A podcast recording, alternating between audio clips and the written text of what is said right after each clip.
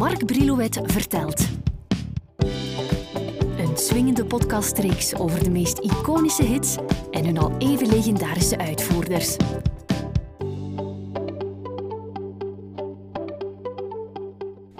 Sowieso beginnen met driemaal mea culpa op de borst te kloppen en tegen al de Beatles-fans sorry te zeggen omdat ik hun idolen zo stiefmoederlijk behandel. In onze podcast vind ik tenminste. Ik durf zelfs niet te tellen hoe vaak ik bij de Fab Four ben blijven stilstaan. Maar goed, brouw komt na de, de zonde. Ik zal proberen dat wat vaker goed te maken. Vandaag begin ik met een strook uit hun allereerste LP en dan moet ik terugkeren naar het jaar 1963 en naar de derde single van de Beatles in wording From Me to You. I'm Ringo and I play the drums. Uh, well, I'm Paul and I play the uh, uh, bass. I'm George and I play a guitar. I'm John and I too play guitar. Sometimes I play the fool. Na Please Please Me, en nadat Lennon en McCartney ermee hadden bewezen dat ze een hit konden schrijven, ging een platenfirma EMI ermee akkoord dat ze meer eigen liedjes moesten opnemen onder het toeziend oog van George Martin, die als een vaste producer werd aangeduid. Die had samen met manager Brian Epstein besloten om de drie maanden van de Beatles een nieuwe single uit te brengen en ieder jaar, ieder half jaar, sorry, een nieuw album. Dus dat was werk aan de winkel, vooral omdat EMI wou dat John en Paul de klemtoon al maar meer, zoals ik al zei, op eigen songs gingen leggen. Als derde single werd er uit het nieuwe repertoire van de Beatles gekozen voor From Me to You.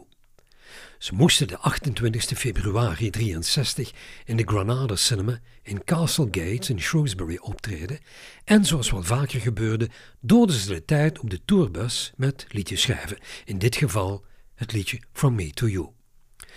Ze begonnen met wat speels op de gitaar te tokkelen toen ze plots doorhadden dat ze een leuke melodie te pakken hadden. John Lennon die bedacht de aanzet van het liedje If There's Anything That You Want en de rest van de song schreef hij samen met Paul McCartney, dus op die bus, hè, waar ze op tournee waren, samen met, mag ik niet vergeten te vermelden, Roy Orbison en een zeker Helen Shapiro, die op dat moment in de hitlijsten stond met Queen for Tonight en Walking Back to Happiness. I have loved you more each day, walking back to happiness.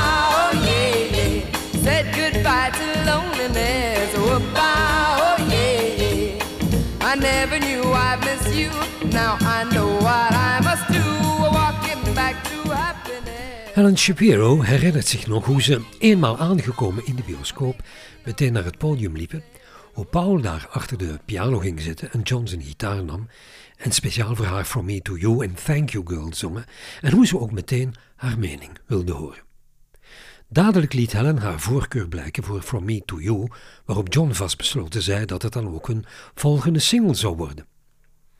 Even dit als extra info, een week voordat ze From Me To You uh, geschreven hadden, of zouden schrijven, hadden John en Paul in een editie van het muziekblad Neo Musical Express de rubriek From Me To You als leuk bestempeld en vonden ze de geschikte titel voor hun volgende single. Het was eveneens op aanraden van Roy Orbison, die ook tijdens deze tournee optrad, dat ze From Me To You schreven. Orbison zelf was op dat moment net bezig met het schrijven van zijn latere hit Oh Pretty Woman. In het boek The Lyrics, dat ik als cadeau van mijn schoondochter Shirley heb gekregen, waarvoor bij deze nogmaals dank, schrijft Paul trouwens daarover. Ik was 21 en ik zal nooit vergeten dat ik langs de bus liep en ik Roy Orbison, helemaal in het zwart gekleed en met een donkere bril op, op de achterbank op zijn gitaar zag spelen. Hij werkte aan Pretty Woman. Er heerste op die bus een kameraadschappelijke sfeer en we inspireerden elkaar. Hij liet ons trouwens toen op die achterbank van de bus die song horen en we vonden het met z'n allen een ijzersterk nummer. Wij op onze beurt lieten hem From Me To You horen. Momenten dus om nooit meer te vergeten. Pretty woman, walking down the street, pretty woman, the kind I like to meet, pretty woman.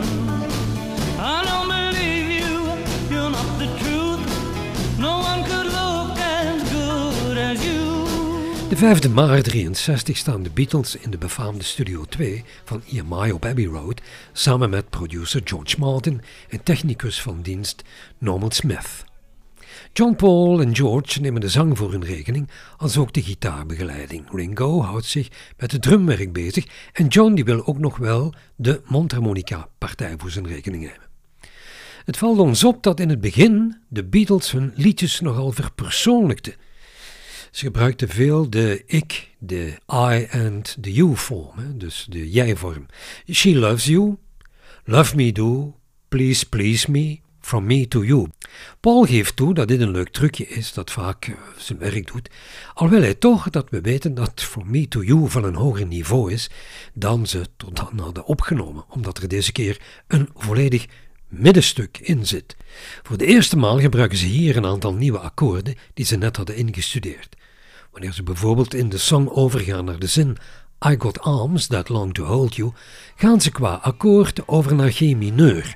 En daar was vooral Paul McCartney trots op. I got long to hold you and keep you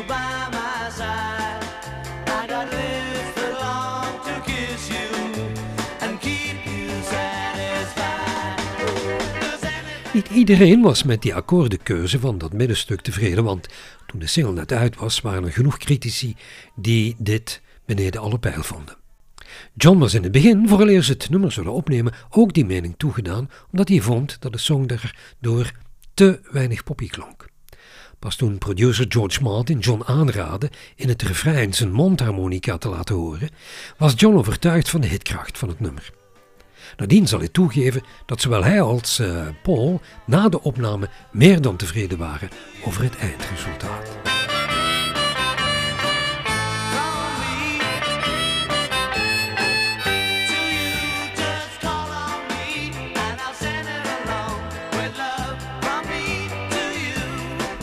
De 5e maart wordt For Me To You amper vijf dagen nadat de boys het geschreven hadden ingeblikt.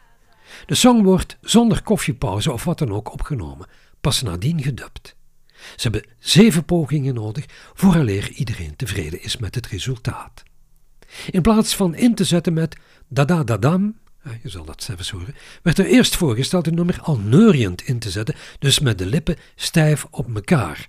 Maar eh, die versie werd vrij snel overboord gekieperd en er werd wijselijk gekozen voor de voluitgezongen da-da-dam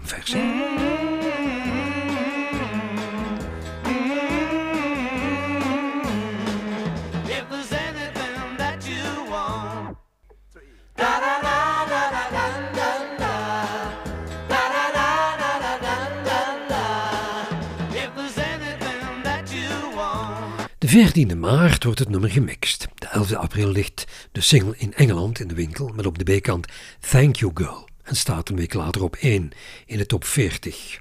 John mag in Thank You Girl laten horen dat hij dolgraag op de mondharmonica speelt. Maar wel moeten we toegeven dat Thank You Girl mm, niet het strafste nummer is dat John en Paul bij elkaar schrijven.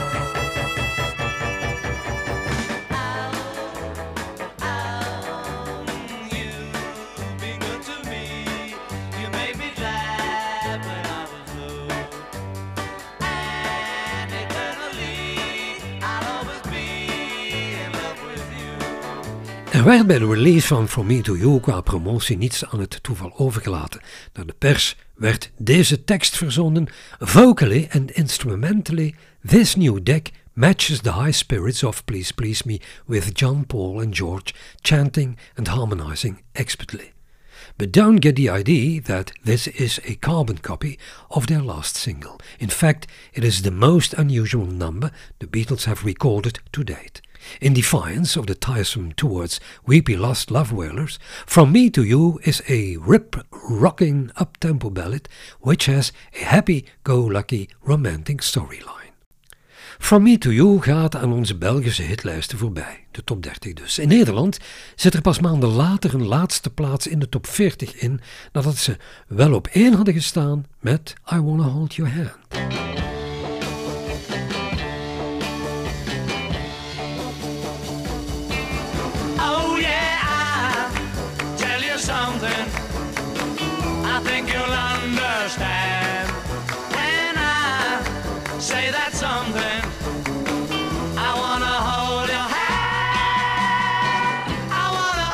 Na drie top 10 hits in de Amerikaanse top 100 scoort From Me To You wat teleurstellend, want meer dan een 41ste plaats zit er niet in.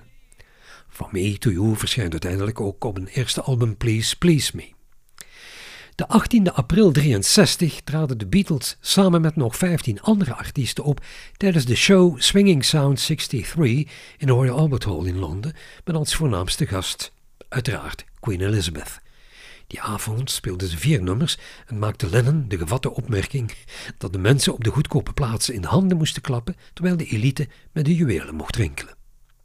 Die avond trad ook Del Shannon op die aan Lennon vertelde dat hij een cover ging opnemen van From Me To You om zo de Beatles wat te helpen met hun doorbraak in Amerika. Eerst was Lennon vereerd, maar nadien twijfelde hij omdat hij schrik had dat Del Shannon er een hit mee zou scoren in plaats van zijzelf. Nu, geen van beiden werd een succes, want Shannons versie viel snel stil nadat hij in de maand juni van 63 de 77ste plaats had bereikt.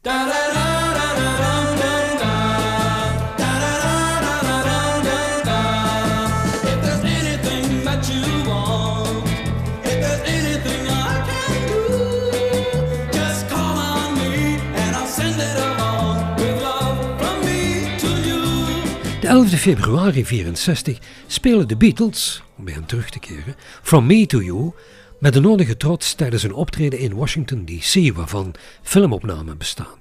Om vervolgens de 16 februari op de Amerikaanse televisie te schitteren tijdens de razend populaire Ed Sullivan Show. En ze blijven heen en weer reizen, want de 16 februari van dat jaar spelen ze From Me To You live tijdens hun optreden in de Parijse Olympia.